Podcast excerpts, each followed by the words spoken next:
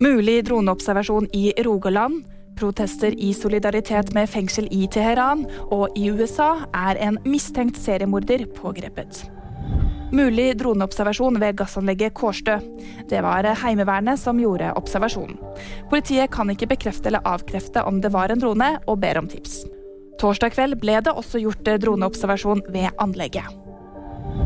Protester i solidaritet med innsatte i Evin-fengselet i Teheran.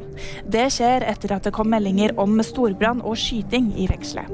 Fengselet er kjent for å mishandle og torturere innsatte.